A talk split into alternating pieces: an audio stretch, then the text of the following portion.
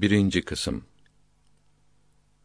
Malumat-ı Nafia Faydalı bilgiler Kitabımızın birinci kısmı Ahmet Cevdet Paşa tarafından yazılmıştır. Hepsi 21 sayfedir. Ahkamı Kur'aniyeyi kanun şekline sokarak Mecelle ismindeki çok kıymetli kitabı hazırlamakla İslam'a büyük hizmet eden ve en doğru 12 cilt Osmanlı tarihini yazmış olan meşhur Kısas-ı Enbiya kitabının sahibi Ahmet Cevdet Paşa rahmetullahi teala aleyh hicretin 1238 miladi 1823 senesinde Lofça'da tevellüd etmiş 1312 miladi 1894'te vefat etmiştir. Fatih Camii bahçesindedir. Kitabımızın ikinci kısmı şirketimizin ilim heyeti tarafından hazırlanmıştır. Cevdet Paşa diyor ki, bu alem yani her şey yok idi. Allahü Teala bunları yoktan var etti. Bu alemin kıyamete kadar insanlarla mamur olmasını istedi. Adem aleyhisselamı topraktan yaratıp onun çocuklarıyla alemi süsledi. İnsanlara dünyada ve ahirette rahat yaşamak, saadete kavuşmak için lazım olan şeyleri bildirmek için içlerinden bazılarını peygamber yaparak şereflendirdi. Bunlara yüksek mertebe vererek başka insanlardan ayırdı. Bu peygamberlere aleyhisselam Cebrail aleyhisselam ismindeki bir melekle emirlerini ve yasaklarını bildirdi. Bunlar da bu emirleri Cebrail aleyhisselamın getirdiği gibi ümmetlerine bildirdi. Peygamberlerin birincisi Adem aleyhisselam, son geleni Muhammed Mustafa aleyhisselatu vesselam efendimizdir. Bu ikisinin arasında çok peygamber gelip geçmiştir. Bunların adedini ancak Allahü Teala bilir. İsimleri malum olan 27'si şunlardır. Adem, Şis, Şit, İdris, Nuh, Hud, Salih, İbrahim, İsmail, İshak, Yakup, Yusuf, Eyüp, Lut, Şuayb, Musa, Yuşa, Harun, Davud, Süleyman, Yunus, İlyas, Elyasa, Zülkifl, Zekeriya, Yahya, İsa ve Muhammed Mustafa aleyhissalatu vesselam'dır. Bunlardan Şit ve Yuşa'dan başka 25'i Kur'an-ı Kerim'de bildirilmiştir. Kur'an-ı Kerim'de Uzeyr ve Lokman ve Zülkarneyn de yazılıdır. Fakat alimlerimiz arasında bu üçü için ve Tübba ile Hıdır için peygamber diyen olduğu gibi veli diyen de vardır. Muhammed aleyhisselam Habibullah'tır. İbrahim aleyhisselam Halilullah'tır. Musa aleyhisselam Kelimullah'tır. İsa aleyhisselam Ruhullah'tır. Adem aleyhisselam Safiyullah'tır. Nuh aleyhisselam Neciyullah'tır. Bu altısı diğer peygamberlerden daha üstündür. Bunlara ölül azm denir. Hepsinin üstünü Muhammed aleyhisselam'dır. Allahü Teala yeryüzüne yüz sahife ve dört büyük kitap indirmiştir. Bunların hepsini Cebrail aleyhisselam getirmiştir. On sahife Adem aleyhisselama, elli sahife Şit aleyhisselama, otuz sahife İdris aleyhisselama, on sahife İbrahim aleyhisselama gönderildiği hadis-i şerifte bildirilmiştir. Sahife küçük kitap, risale demektir. Bizim bildiğimiz bir yaprak kağıdın bir yüzü demek değildir. Dört kitaptan Tevrat-ı Şerif Musa aleyhisselama, Zebur-ı Şerif Davud aleyhisselama, İncil-i Şerif İsa aleyhisselama, Kur'an-ı Kerim ahir zaman peygamberi yani son peygamber Muhammed aleyhisselama inmiştir. Nuh aleyhisselam zamanında tufan olup bütün dünyayı su kapladı. Yeryüzünde bulunan insanların ve hayvanların hepsi boğuldu. Fakat Nuh aleyhisselamla gemide bulunan müminler kurtuldu. Nuh aleyhisselam gemiye binerken her hayvandan birer çift almış olduğundan hayvanlar da bunlardan üredi. Nuh aleyhisselamın gemide üç oğlu vardı. Sam, Yafes ve Ham. Şimdi yeryüzünde bulunan insanlar bu üçünün soyundandır. Bunun için Nuh aleyhisselama ikinci baba denir. İsmail ve İshak aleyhisselam İbrahim aleyhisselamın oğullarıdır. İshak aleyhisselamın oğlu Yakup'tur. Yakup aleyhisselamın oğlu Yusuf aleyhisselamdır. Yakup aleyhisselama İsrail denir.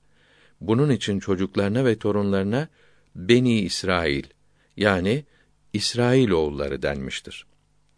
Beni İsrail çoğalarak içlerinden çok peygamber gelmiştir.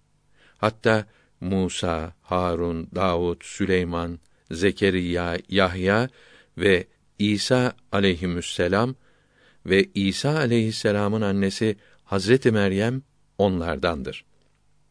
Süleyman aleyhisselam Davud aleyhisselamın oğludur. Yahya aleyhisselam da Zekeriya aleyhisselamın oğludur. Hazreti Meryem İmran'ın ve Zekeriya aleyhisselamın baldızının kızıdır. Harun aleyhisselam Musa aleyhisselamın kardeşidir. Yuşa aleyhisselam da Musa aleyhisselamın hemşiresinin oğludur. İsmail aleyhisselamın soyu Arap olup Arap'tan Muhammed aleyhisselam meydana gelmiştir. Hud aleyhisselam Ad kavmine, Salih aleyhisselam Semud kavmine gönderildiği gibi Musa aleyhisselam Beni İsrail'e gönderilmiştir. Yuşa, Harun, Davud, Süleyman, Zekeriya ve Yahya aleyhisselam da yine Beni İsrail'e gönderilmiştir. Fakat bunların ayrı dinleri olmayıp Beni İsrail'i Musa aleyhisselam'ın dinine davet etmişlerdi. Davud aleyhisselama Zebur kitabı indiyse de Zebur'da şeriat yani ahkam, emr, ibadet yoktu. Vaaz ve nasihatlerle doluydu. Bunun için Tevrat'ı neshetmedi. Yani yürürlükten kaldırmadı. Hatta onu kuvvetlendirdi. Bunun için Musa aleyhisselam'ın dini İsa aleyhisselam zamanına kadar devam etti. İsa aleyhisselam gelince bunun dini Musa aleyhisselam'ın dinini neshetti. Yani Tevrat'ın hükmü kalmadı ve bundan sonra Musa aleyhisselam'ın dinine uymak caiz olmayıp ta Muhammed aleyhisselam'ın dini gelinceye kadar İsa aleyhisselam'ın dinine uymak lazım oldu. Fakat Beni İsrail'in çoğu İsa aleyhisselama iman etmeyip Tevrat'a uymak için inat etti. İşte Yahudilik, Musevilikle Nasaralık yani İsevilik böylece ayrıldı. İsa aleyhisselama iman edenlere Nasara denildi. Bugün Hristiyan deniliyor. İsa aleyhisselama iman etmeyip de küfürde, dalalette kalanlara Yahudi denildi. Yahudiler hala Musa aleyhisselamın dinine uyup Tevrat ve Zebur okuyoruz diyor. Nasara da İsa aleyhisselamın dinine uyup İncil okuyoruz diyor. Halbuki iki cihanın seyyidi, insanların ve cinnin hepsinin peygamberi Muhammed aleyhisselatu vesselam efendimiz bütün alemlere peygamber olarak gönderildi ve dini ki dini İslam'dır bütün dinlerin neshetti. Bu dinin hükmü kıyamete kadar süreceğinden dünyanın hiçbir yerinde onun dininden başka bir dinde bulunmak caiz olmadı. ondan sonra hiç peygamber gelmeyecektir. Biz çok şükür onun ümmetiyiz. Dinimiz dini İslam'dır. Peygamberimiz Muhammed aleyhisselam miladın 571. senesi Nisan ayının 20'sine rastlayan Rebiül Evvel ayının 12. pazartesi sabahı Mekke şehrinde tevellüt etti. Hicretin 11. ve miladın 632. senesinde Medine'de vefat etti. 40 yaşındayken Cebrail ismindeki melek gelerek peygamber olduğunu kendisine bildirdi. Miladın 622 senesinde Mekke'den Medine şehrine hicret eyledi. Eylül ayının 20. pazartesi günü Medine'nin Kuba köyüne geldi. Bugün Müslümanların şemsi sene başı oldu. Acemlerin şemsi senelerinin başlangıcı bundan altı ay evveldir. Yani ateşe tapan mecusilerin bayramı olan Mart'ın 20. Nevruz günüdür. O senenin Muharrem ayının birinci günü de kameri sene başı oldu. Peygamberlerin hepsine inanırız. Hepsi Allahü Teala tarafından gönderilmiş peygamberlerdir. Fakat Kur'an-ı Kerim nazil olunca başka dinler nesedildi. Onun için şimdi hiçbirine uymak caiz değildir. Nasara da geçmiş peygamberlerin hepsine inanıyor. Fakat Muhammed aleyhisselam'ın bütün insanların peygamberi olduğuna inanmadıkları için kafir oluyor, doğru yoldan çıkıyor. Yahudilerse İsa aleyhisselama da inanmadıkları için dini İslam'dan daha uzaktır. Yahudilerle Nasara ellerindeki bozuk kitaplarının gökten böyle gelmiş olduğuna inandıkları için bunlara ehli kitap yani kitaplı kafir denir. Nikah ile bunların kızlarını almak ve Allahü Teala'nın ismini söyleyerek kestiklerini yemek caizdir. Fakat mekruhtur. Müslüman kızlarının bunların erkekleriyle evlenmesi caiz değildir. Bir kız bunlarla veya bir mürtetle evlenmeye niyet edince Muhammed aleyhisselam'ın dinine ehemmiyet vermemiş olur. İslamiyete kıymet vermeyen bir Müslüman dinden çıkar, mürtet olur ve iki kafir birbiriyle evlenmiş olur. Hiçbir peygambere inanmayan, inansa da peygamberde veya bazı mahluklarda uluhiyet sıfatı bulunduğuna inanarak bunlara tapınanlara ve mürtetlere müşrik yani kitapsız kafir denir. Mülhitlerin de kitapsız kafir olduğu bildirildi. Bunların kızlarını almak ve kestiklerini yemek caiz değildir. İsa aleyhisselam kendinden sonra dinini yaymak için eshabı arasından on iki kişi seçti. Bunlara havari, apostel, la apotr, apostl denir. Bunlar Şem'un, Petrus, Yohanna, Yohannes, Büyük Yakup, Petrus'un kardeşi olan Andreas, Filip, Filipus, Toma, Thomas, Bartolomi, Bartolomaus, Metiya, Mataus, Küçük Yakup, Barnabas, Yehuda, Judas ve Tadyus, Yakobidir. Bazı kitaplarda Barnabas yerine Simon yazılıdır. Yahuda, Judas mürtet oldu. Yerine Matyes, Matias seçildi. Havarilerin reisleri Petros idi. Bu 12 mümin İsa aleyhisselam 33 yaşında göğe çıkarıldıktan sonra onun dinini etrafa yaydılar. Fakat Allahü Teala'nın gönderdiği dinin doğru olarak yayılması 80 sene sürebildi. Sonra Yahudi dönmesi olan Bolüs'ün devrimleri, ilkeleri her tarafa yayıldı. Bolüs İsa aleyhisselama iman etmiş göründü. Kendini din alimi tanıtıp İsa Allah'ın oğludur. Bunun için kendisinde uluhiyet sıfatları vardır dedi. Başka şeyler de uydurup söyledi. Şarabı ve domuzu helal etti. Kıblelerini Kâbe'den şarka, güneşin doğduğu tarafa döndürdü. Allahü Teala'nın zatı birdir. Sıfatları üç türlüdür dedi. Bu sıfatlara uknum denildi. Münafık Yahudinin bu ilkeleri ilk yazılan İncil denilen dört kitaba bilhassa Luka'nın kitabına karışarak Nasara fırka fırka ayrıldı.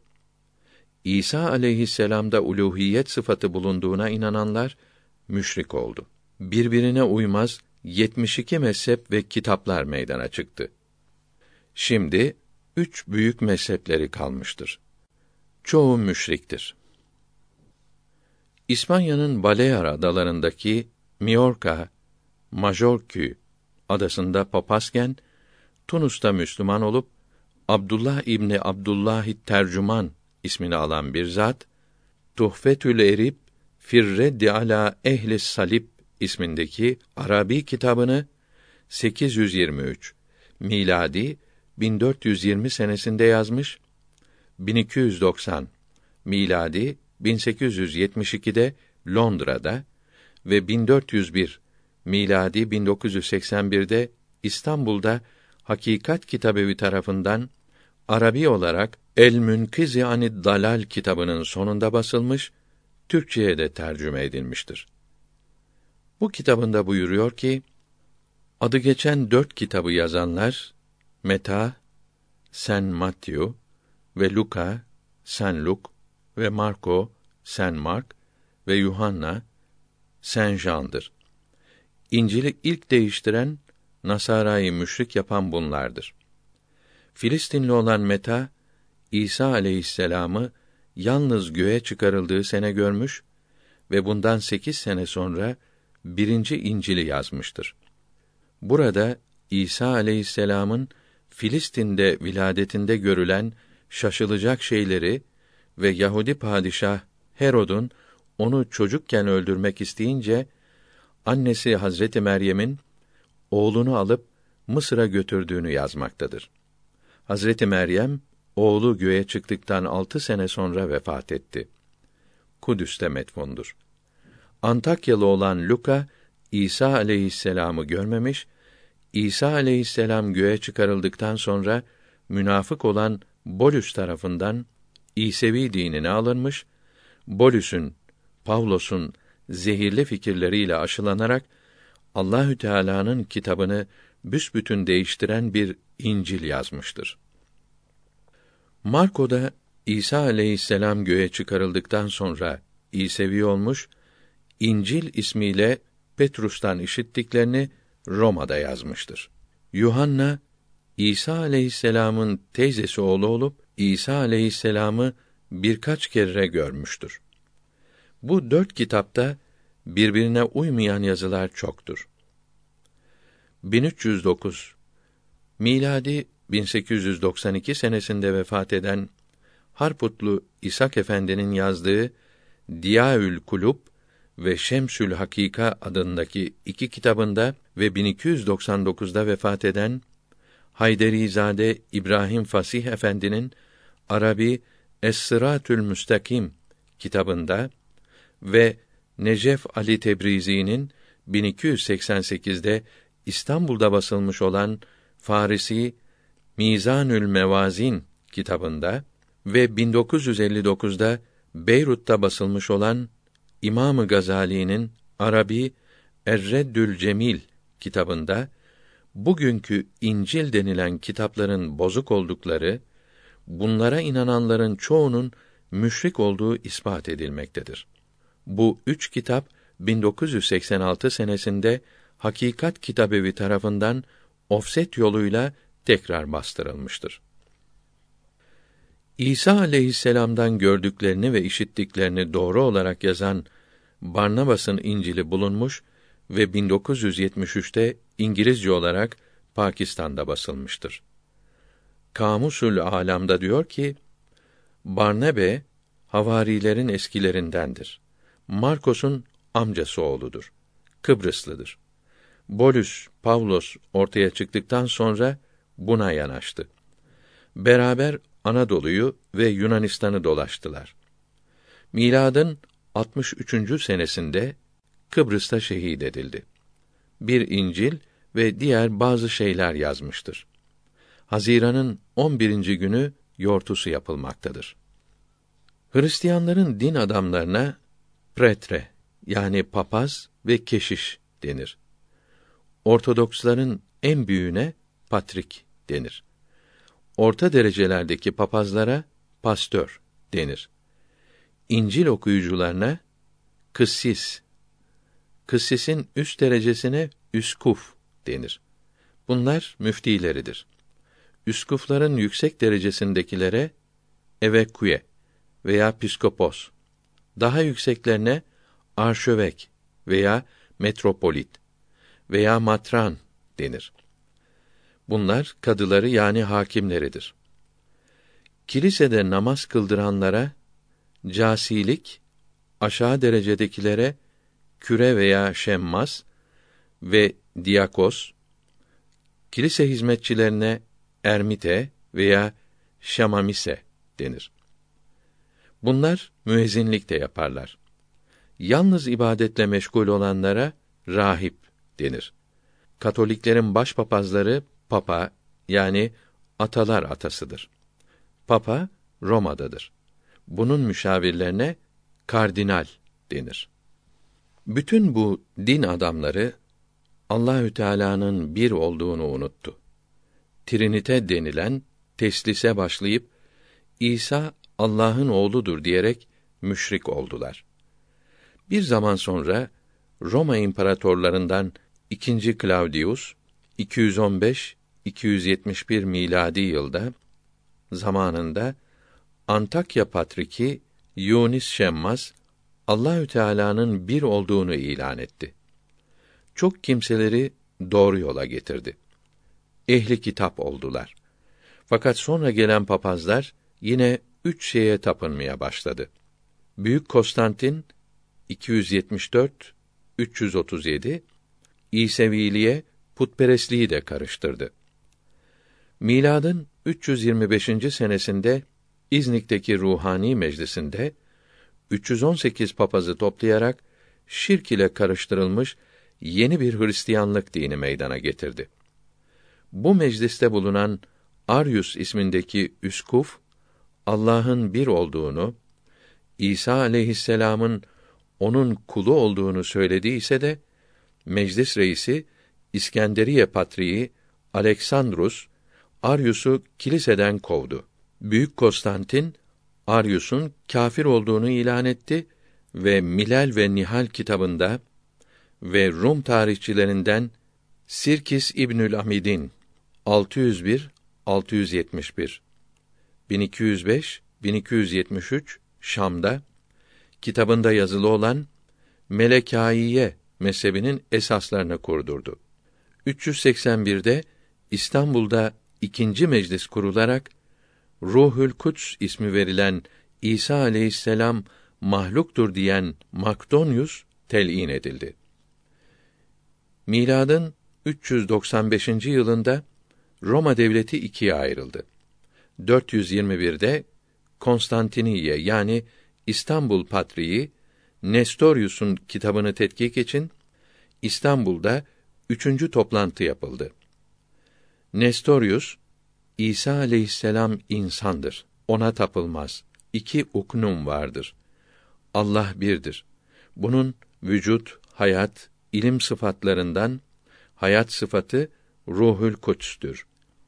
İlm uknumu kelime İsa'ya hulul etmiş, ilah olmuştur. Meryem ilah anası değil, insan anasıdır. İsa Allah'ın oğludur diyordu. Bu fikirleri kabul edildi. Nestorius mezhebi şark memleketlerinde yayıldı. Bu mezhepte olanlara Nesturi denir.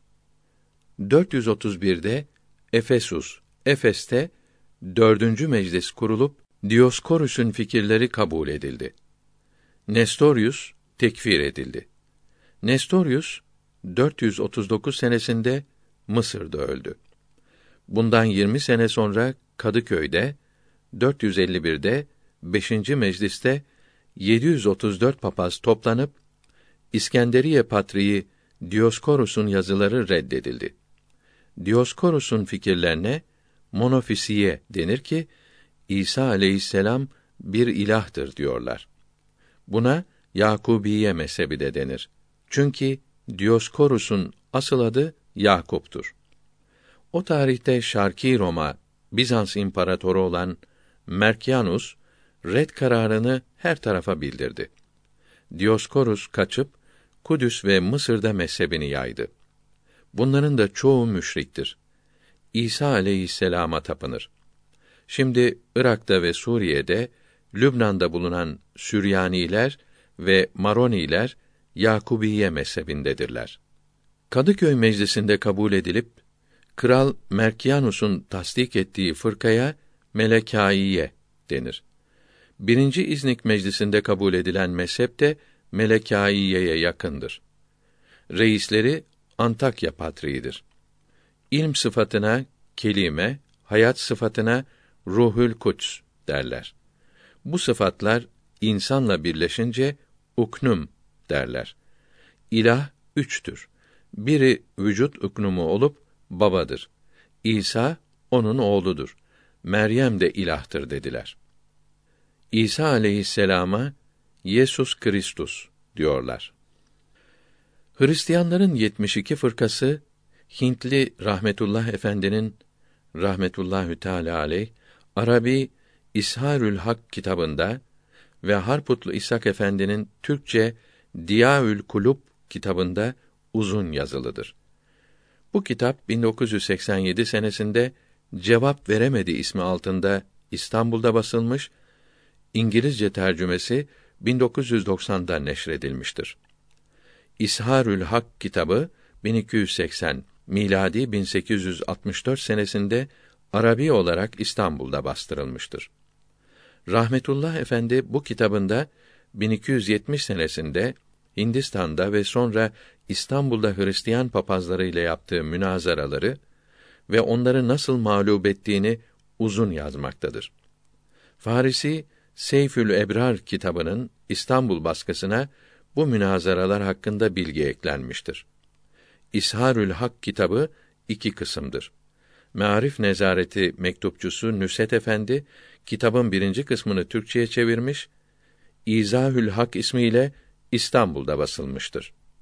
İkinci kısmını 1292'de Seyyid Ömer Fehmi bin Hasan Türkçeye tercüme etmiş, İbrazül Hak ismiyle 1293 miladi 1876 senesinde Bosna'da basılmıştır. Bütün bu mezhepler 446 miladi 1054 senesine kadar Roma'daki papaya bağlıydılar. Çoğu müşrik oldu. Hepsine Katolik denir. 1054'te İstanbul Patriği Mihail Kirolarius papadan ayrılıp şark kiliselerini kendi idare etti. Bu kiliselere Ortodoks denildi. Bunlar Yakubiye mezhebindedirler. Luther ismindeki Alman papazı da Hicretin 923. senesine rastlayan miladın 1517 senesinde Roma'daki papaya isyan edip kiliselerin bir kısmı buna uydu. Bunlara Protestan kiliseleri denildi. Görülüyor ki Hristiyanların çoğu müşriktir ve Yahudilerden daha aşağıdır. Ahirette azapları daha çoktur. Çünkü bunlar hem Muhammed aleyhisselama inanmıyor hem de uluhiyette taşkınlık ediyor, teslise inanıyorlar. İsa aleyhisselama ve anası Hazreti Meryem'e Tanrı diyerek tapınanlar müşriktir. Leş de yiyorlar. Yahudilerse yalnız iki peygambere aleyhimes salavatü ve teslimat inanmıyor. Allahü Teala'yı bir biliyor ve leş yemiyor. Bununla beraber Yahudilerin İslam'a düşmanlığı daha çoktur. Yahudilerden birkaçı Uzeyr Allah'ın oğludur diyerek Hristiyanlar gibi müşrik oluyor ise de çoğu müşrik değildir. Ortodoks, Katolik ve Protestanların her biri başka başka İncil'ler okuyup İsa aleyhisselama bağlı olduklarını söyler. Halbuki itikatta ve amelde birbirlerine uymayan çok şeyleri vardır. Hepsine Nasara ve Hristiyan deniyor. İsa peygamberdir diyenlere ehli kitap denir. Şimdi ehli kitap olan Hristiyan yoktur. Muhammed aleyhisselama inanmadıkları için hepsi kâfirdir. Yahudiler de kendilerine Musevi diyor. 1997 senesinde Fransa'da yayınlanan iki ciltlik Dinler Ansiklopedisinde diyor ki 1995 senesinde yeryüzünde 4 milyar 550 milyon nüfus vardı. Bunun 1 milyar 60 milyonu Müslüman, 1 milyar 870 milyonu Hristiyan, bunun 1 milyar 42 milyonu Katolik, 505 milyonu Protestan, 174 milyonu Ortodoks, 14 milyonu Yahudi, 1 milyar 606 milyonu hiçbir peygambere inanmayan kâfirler yani müşriklerdir. Peygamber Efendimiz aleyhisselatu vesselam hicretin 11. senesinde ahireti teşrif buyurduktan sonra Ebu Bekr Sıddık radıyallahu an halife oldu. Hicretin 13. senesinde 63 yaşında vefat etti. Bundan sonra Ömerül Faruk radıyallahu an halife oldu. 23. senede 63 yaşında şehit edildi. Bundan sonra Osman Zinnureyn radıyallahu teala an halife oldu. 35 senesinde 82 yaşında şehit edildi. Sonra Ali radıyallahu an halife oldu. Hicretin 40. senesinde 63 yaşında şehit edildi. Bu dört halifeye Hulefâ-i Raşidin denir. Zamanı saadette ahkâm-ı İslamiye tamam icra edilip her taraf hak, adalet ve hürriyet ile nurlandığı gibi bunların zamanında da öyleydi. Ahkâm-ı İslamiye kusursuz olarak yapılıyordu. Bu dört halife eshab-ı kiramın hepsinden üstündür. Kendi aralarındaki üstünlükleri hilafetleri sırasına göredir. Ebu Bekr radıyallahu an zamanında Müslümanlar Arabistan yarımadasından dışarı çıktı. Resul Ekrem sallallahu aleyhi ve sellem efendimiz ahireti teşrif buyurunca yarımadada karışıklıklar çıktı. Ebu Bekr radıyallahu an yarımadada hasıl olan bu karışıklıkları düzeltti. Mürtetlerin terbiyesiyle uğraştı. Vakti saadette olduğu gibi birlik temin etti. Ömer radıyallahu an halife olunca bir hutbe okuyup Ey Resulün eshabı radıyallahu teala anhum ecmaîn. Arabistan ancak sizin atlarınıza arpa yetiştirebilir. Halbuki Allahü Teala Muhammed aleyhisselam'ın ümmetine yeryüzünün her tarafında yer, memleket vereceğini Habibine vaad etmiştir. Hani bu vaad edilen memleketleri zapt ederek dünyada ganimete, ahirette gaza ve şehitlik rütbesine nail olmak isteyen erler nerede? Din uğruna can ve baş feda ederek vatanlarını bırakıp Allahü Teala'nın kullarını zalimlerin pençelerinden kurtaracak gaziler nerede? diyerek eshab-ı kiramı cihada ve gazaya teşvik buyurdu.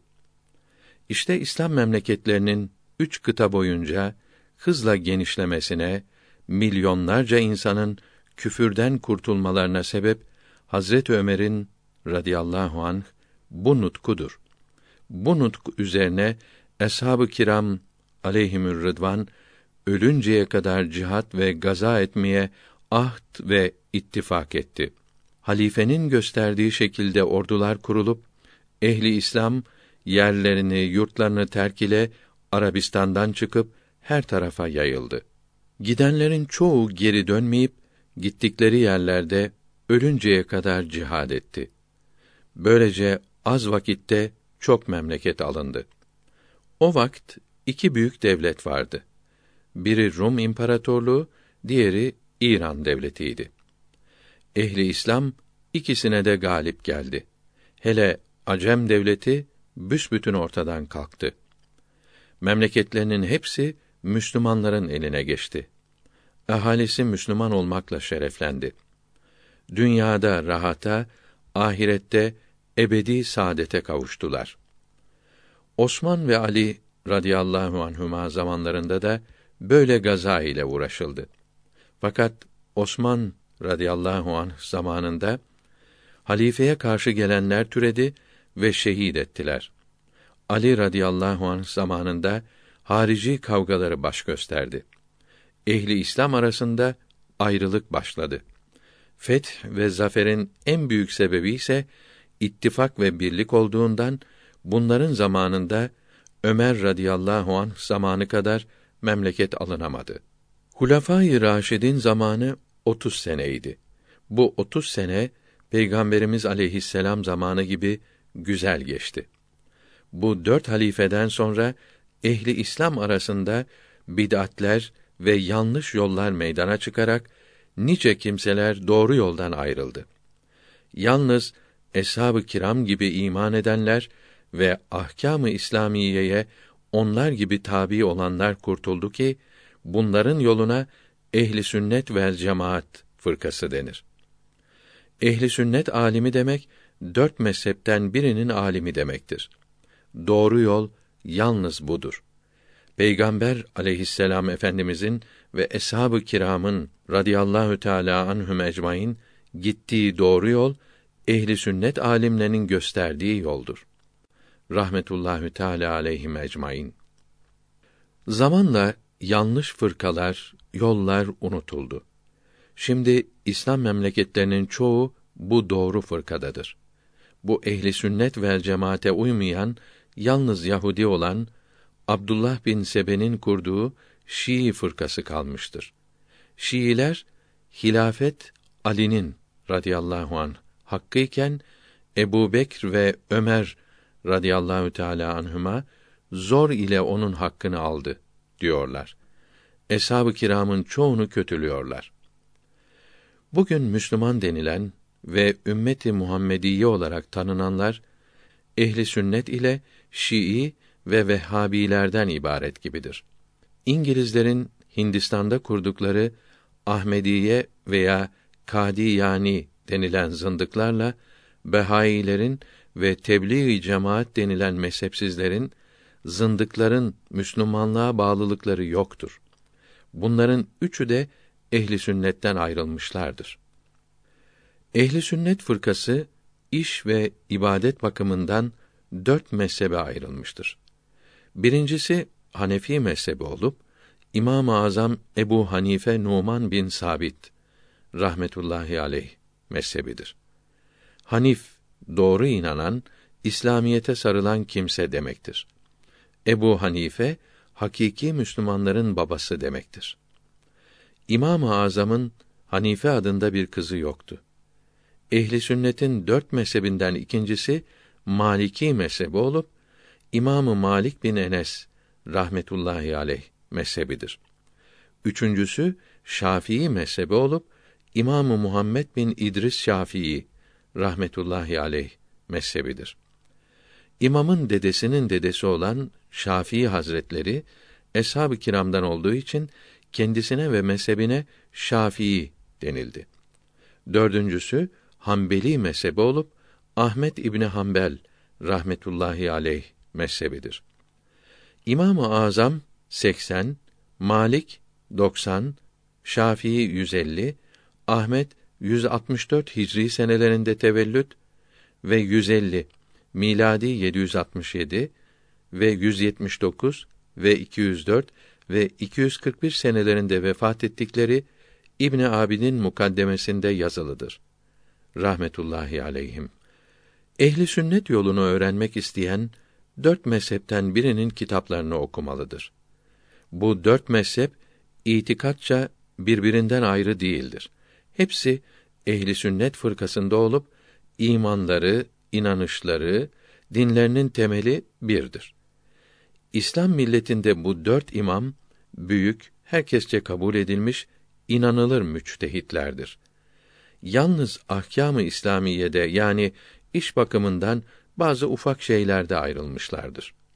Şöyle ki Allahü Teala ve peygamberi sallallahu teala aleyhi ve sellem müminlere merhamet ettikleri için bazı işlerin nasıl yapılacağı Kur'an-ı Kerim'de ve hadis-i şeriflerde açık bildirilmedi.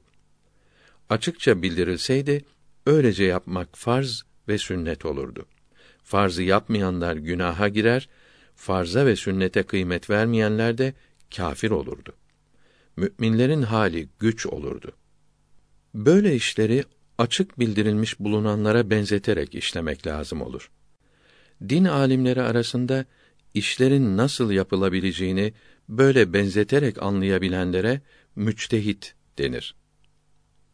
Müçtehidin bir işin nasıl yapılacağını anlamak için son gayretiyle uğraşarak görüşüne, doğruya en yakın zannına göre amel etmesi kendine ve ona uyanlara vacip olur. Yani ayet-i kerimeler ve hadis-i şerifler böyle yapmayı emretmektedir.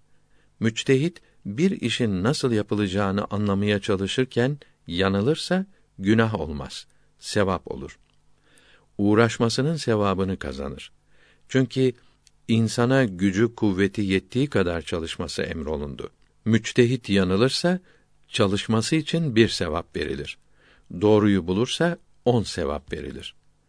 Eshab-ı kiramın hepsi radıyallahu teala anhum ecmaîn büyük alim yani müçtehit idiler. Bunlardan sonra gelenler arasında ilk zamanlar içtihat yapabilecek büyük alim çoktu. Bunların her birine nice kimseler uyardı. Zamanla bunların çoğu unutularak ehli sünnet içinde yalnız bu dört mezhep kaldı. Sonraları olur olmaz kimseler çıkıp da müçtehidim diyerek bozuk fırkalar çıkarmamaları için ehli sünnet bu dört mezhepten başka mezhebe uymadı. Bu dört mezhepten her birine ehli sünnetten milyonlarla kimse uydu. Dört mezhebin itikadı bir olduğundan birbirine yanlış demez, bid'at sahibi sapık bilmezler. Doğru yol bu dört mezheptedir deyip her biri kendi mezhebinin doğru olmak ihtimali daha çoktur bilir. İçtihatla anlaşılan işlerde İslamiyetin açık emri bulunmadığı için bir adamın mezhebi yanlış olup da diğer üç mezhepten birisinin doğru olmak ihtimali var ise de herkes benim mezhebim doğrudur. Yanlış olmak ihtimali de vardır ve diğer üç mezhep yanlıştır, doğru olmak ihtimali de vardır demelidir. Böylece haraç sıkıntı olmadıkça bir işi bir mezhebe göre, başka bir işi de başka mezhebe göre yaparak dört mezhebi karıştırmak caiz olmaz. Bir kimse dört mezhepten hangisini taklit ediyorsa, yani hangi mezhebi seçmişse, o mezhepteki bilgileri öğrenmesi, haraç sıkıntı olmadıkça her işinde o mezhebe uyması lazımdır. Ancak bir işin yapılmasında haraç güçlük bulunursa, yani kendi mezhebine göre yapmasına imkan olmayan bir işi başka mezhebe uyarak yapmak caiz olur. Fakat ikinci mezhebin o işe bağlı olan şartlarını yani farzlarını ve müfsitlerini gözetmesi de lazımdır. Hanefi mezhebi alimlerinin böyle işlerde Maliki mezhebini taklit etmeye fetva verdikleri İbn Abidin'in Nikah-ı Ric'i kısmında yazılıdır. Alimlerin çoğu Hanefi mezhebinin daha doğru olduğunu söylemişlerdir. Bunun için İslam memleketlerinin çoğunda Hanefi mezhebi yerleşmiştir. Türkistan'la Hindistan'ın ve Anadolu'nun hemen hepsi Hanefidir. Afrika'nın garp, batı tarafı hep Malikidir. Hindistan'ın bazı sahillerinde de bulunur. Şafiiler Mısır'da, Kürtlerde ve Arabistan'da ve Dağıstan'da çoktur. Hanbeliler azdır. Vaktiyle Şam ve Bağdat'ta çoktu. Edille-i şer'iye yani din bilgilerinde müçtehit imamlara senet kaynak dörttür.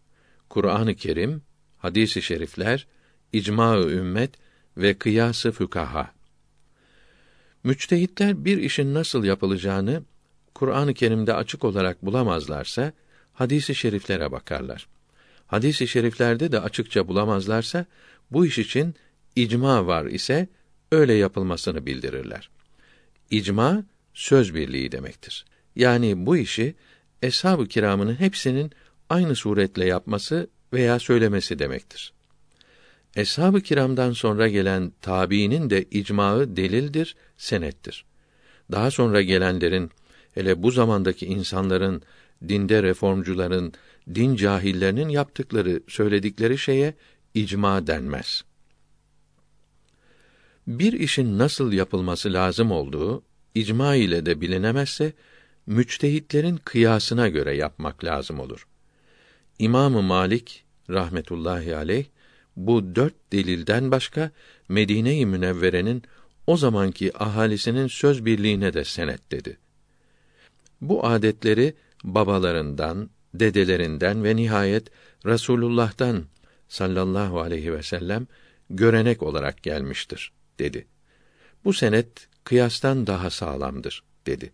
Fakat diğer üç mezhebin imamları Medine ahalisinin söz birliğini senet olarak almadı. İçtihat yolu ikidir. Biri Irak alimlerinin yolu olup buna rey yolu denir. Yani kıyas yoludur.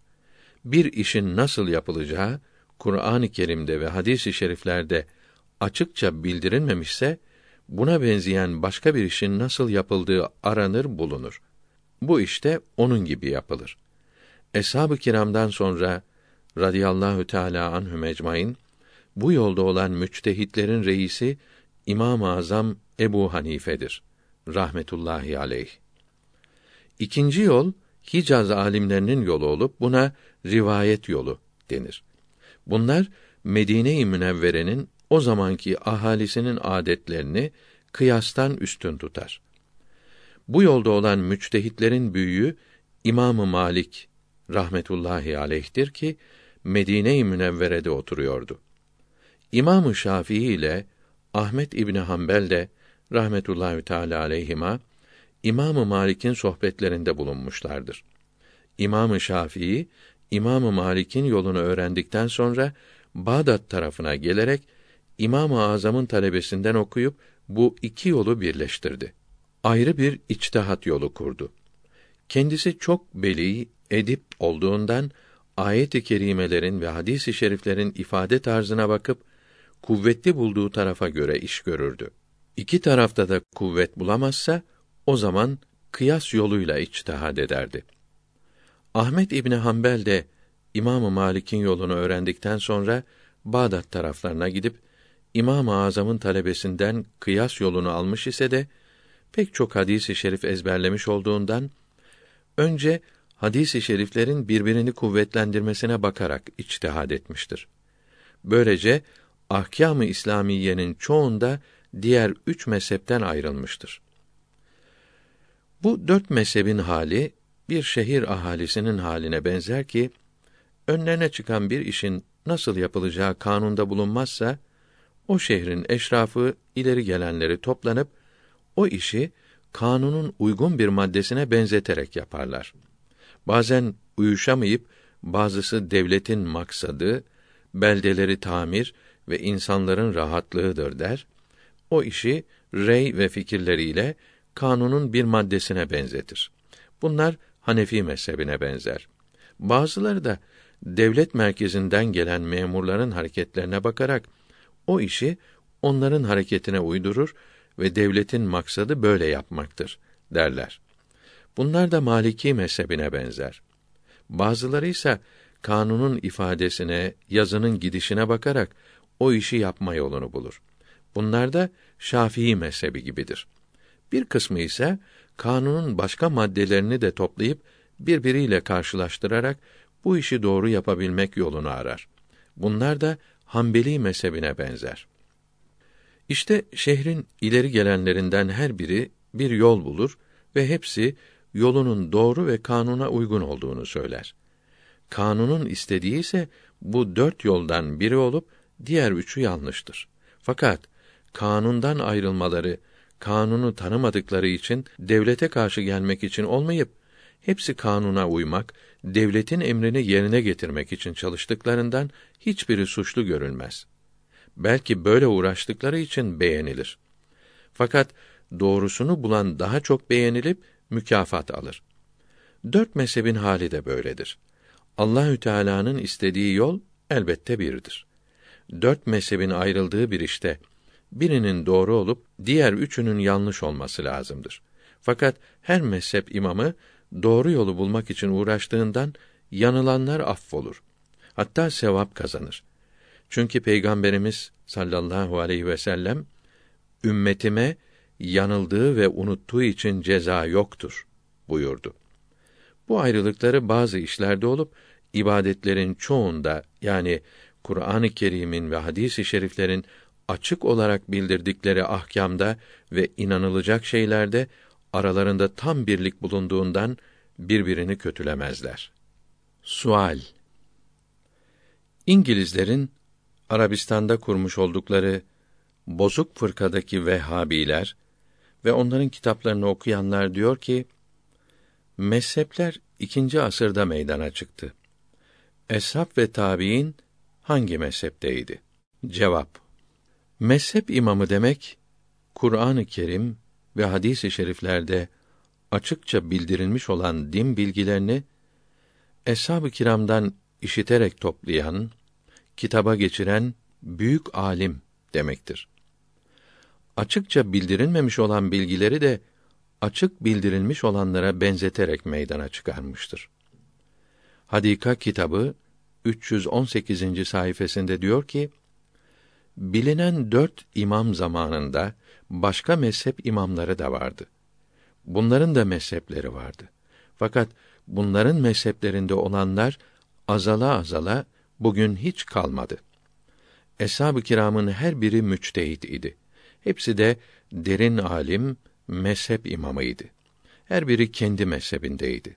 Hepsi de mezhep imamlarımızdan daha üstün, daha çok bilgiliydi.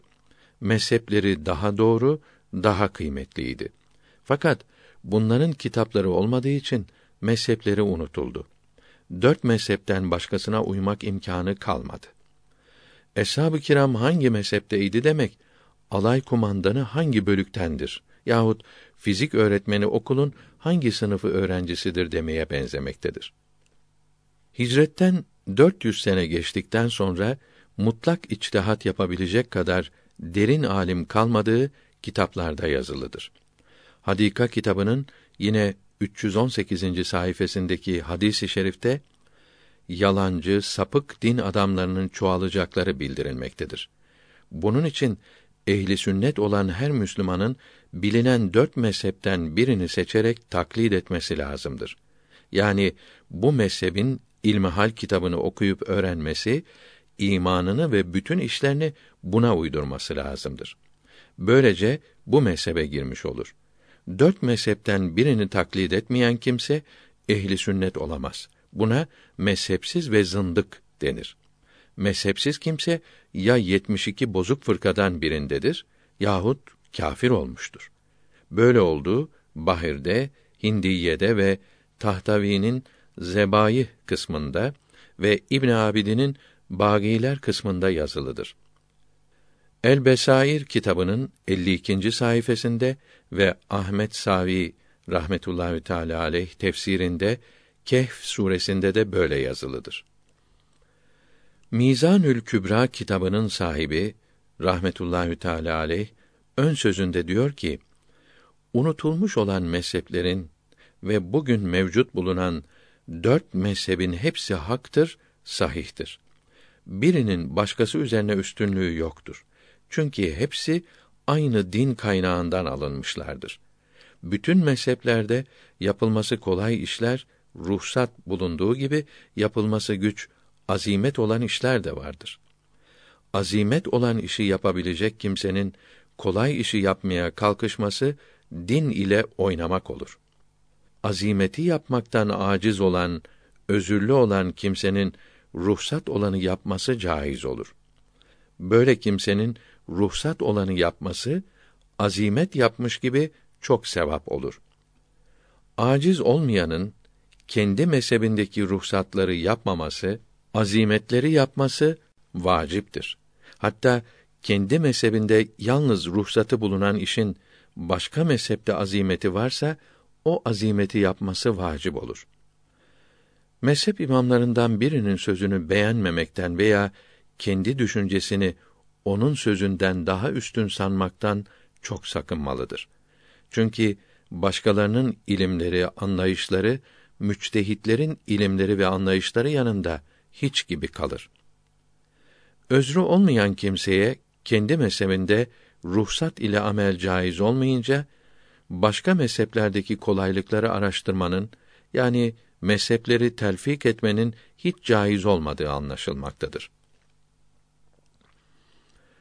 Dürrül Muhtar'ın sahibi rahmetullahi teala aleyh ön sözünde ve bunun Reddül Muhtar haşiyesinde yani İbn Abidin de diyor ki bir işi ibadeti yaparken mezheplerin kolaylıklarını araştırıp bunlara göre yapmak batıldır. Mesela abdestli kimsenin derisinden kan aksa Şafii mezhebinde abdesti bozulmaz. Hanefi'de bozulur. Yabancı kadının derisine derisi değse Şafii'de bozulur. Hanefi mezhebine göre bozulmaz. Abdest aldıktan sonra derisinden kan akan ve derisi yabancı kadının derisine değen bir kimsenin bu abdestle kıldığı namaz sahih olmaz. Bunun gibi bir işi bir mezhebe göre yaparken ikinci bir mezhebe uymak söz birliğiyle batıldır. Şöyle ki Şafii mezhebine uyarak başının az bir yerini mesheden kimseye köpek sürtünse bu kimsenin Maliki de taklit ederek burasını yıkamadan kıldığı namaz sahih olmaz. Çünkü Şafii'de köpek sürtünenin namazı sahih olmaz. Maliki'de köpek nets değil ise de başının hepsini meshetmesi lazımdır.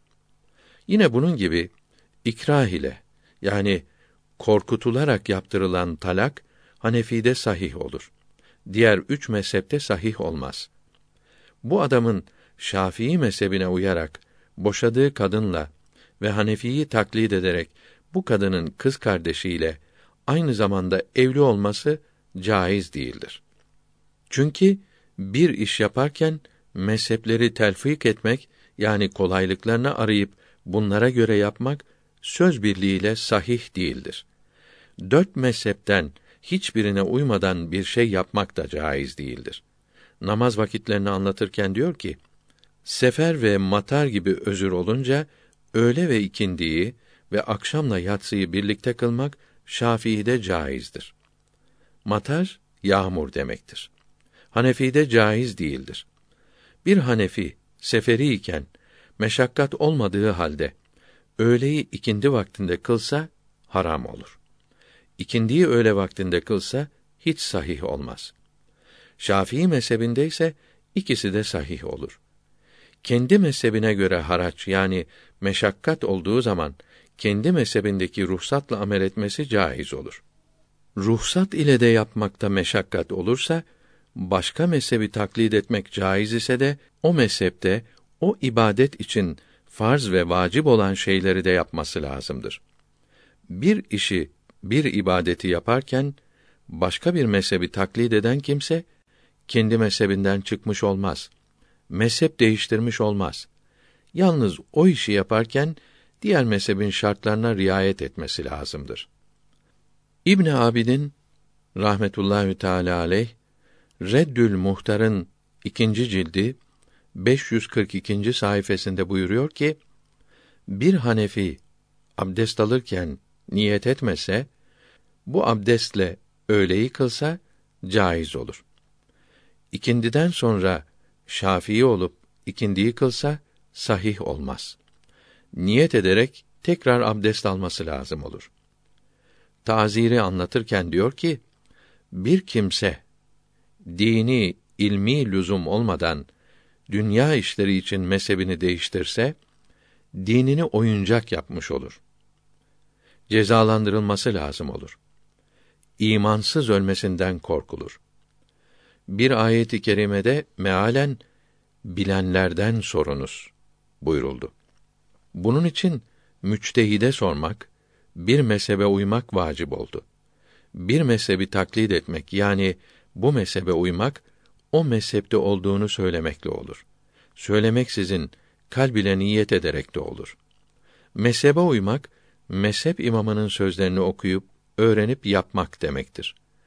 Öğrenmeden, bilmeden, ben Hanefiyim, ben Şafiiyim demekle o mezhebe girmiş olmaz. Böyle olanlar, hocalara sorarak, ilmihal kitaplarından öğrenerek ibadet yapmalıdır. Şahitliği anlatırken diyor ki, mezhebe ehemmiyet vermeyerek veya kolayına geleni yapmak için mezhep değiştirenin ve mezhepleri birleştirenin, kolaylıklarını seçip toplayanların şahitliği kabul olmaz. İbn Abidin ön sözünde diyor ki, Halife Harun Reşit İmam Malik'e dedi ki, İslam memleketlerinin her tarafına senin kitaplarını yaymak ve herkesin yalnız bu kitaplara uymalarını emretmek istiyorum. İmam Malik buyurdu ki: Ya halife, böyle yapma. Alimlerin mezheplere ayrılması Allahü Teala'nın bu ümmete olan rahmetlerinden biridir. Herkes dilediği mezhebe uyar. Mezheplerin hepsi doğrudur. Mümin ve Müslim ve Müslüman demek Allahü Teala tarafından Muhammed aleyhisselam vasıtasıyla insanlara bildirilmiş ve İslam memleketlerine yayılmış din bilgilerine inanan, kabul eden kimse demektir. Bu bilgiler Kur'an-ı Kerim'de ve binlerce hadis-i şeriflerde bildirilmiştir.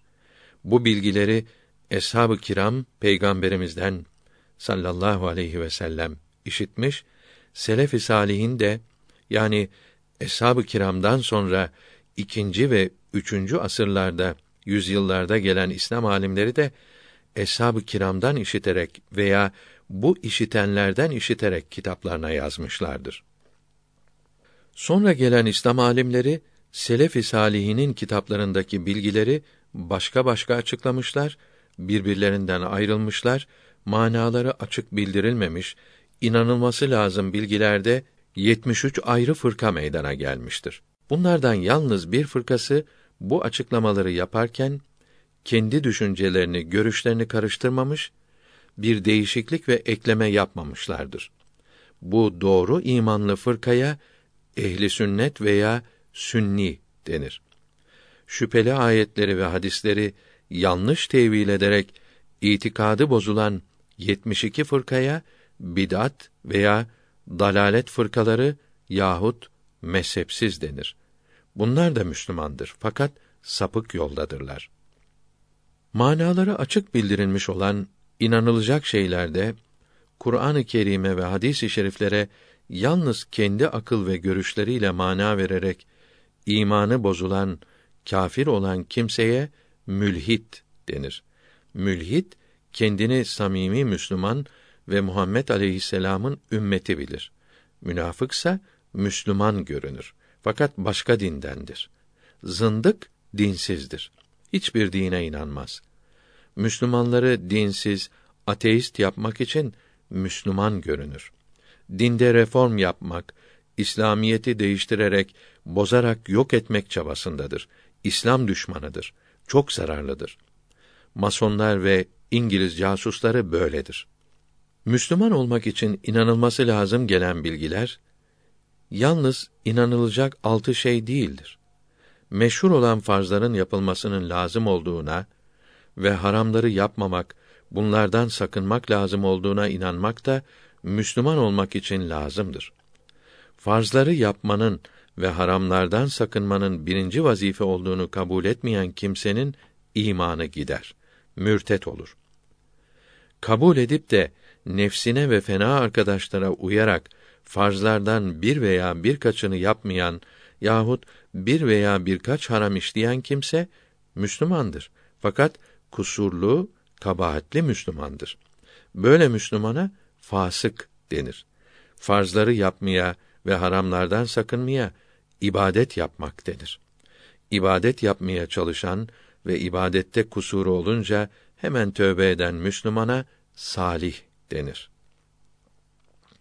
Şimdi hür memleketlerde oturup da iman edilecek altı şeyi ve meşhur olan farzları ve haramları bilmemek özür değildir. Öğrenmemek büyük günahtır.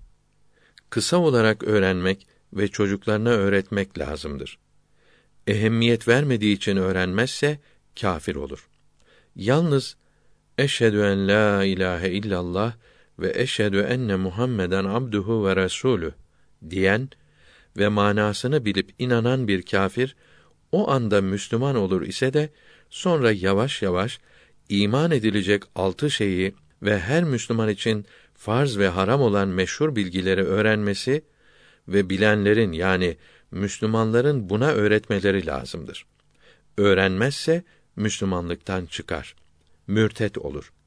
Bunları ehli sünnet alimlerinin yazdığı doğru ilmihal kitaplarından öğrenmesi lazımdır. Ehli sünnet bilgilerinden haberi olmayan profesörlerin konferanslarına ve kitaplarına aldanmamalıdır.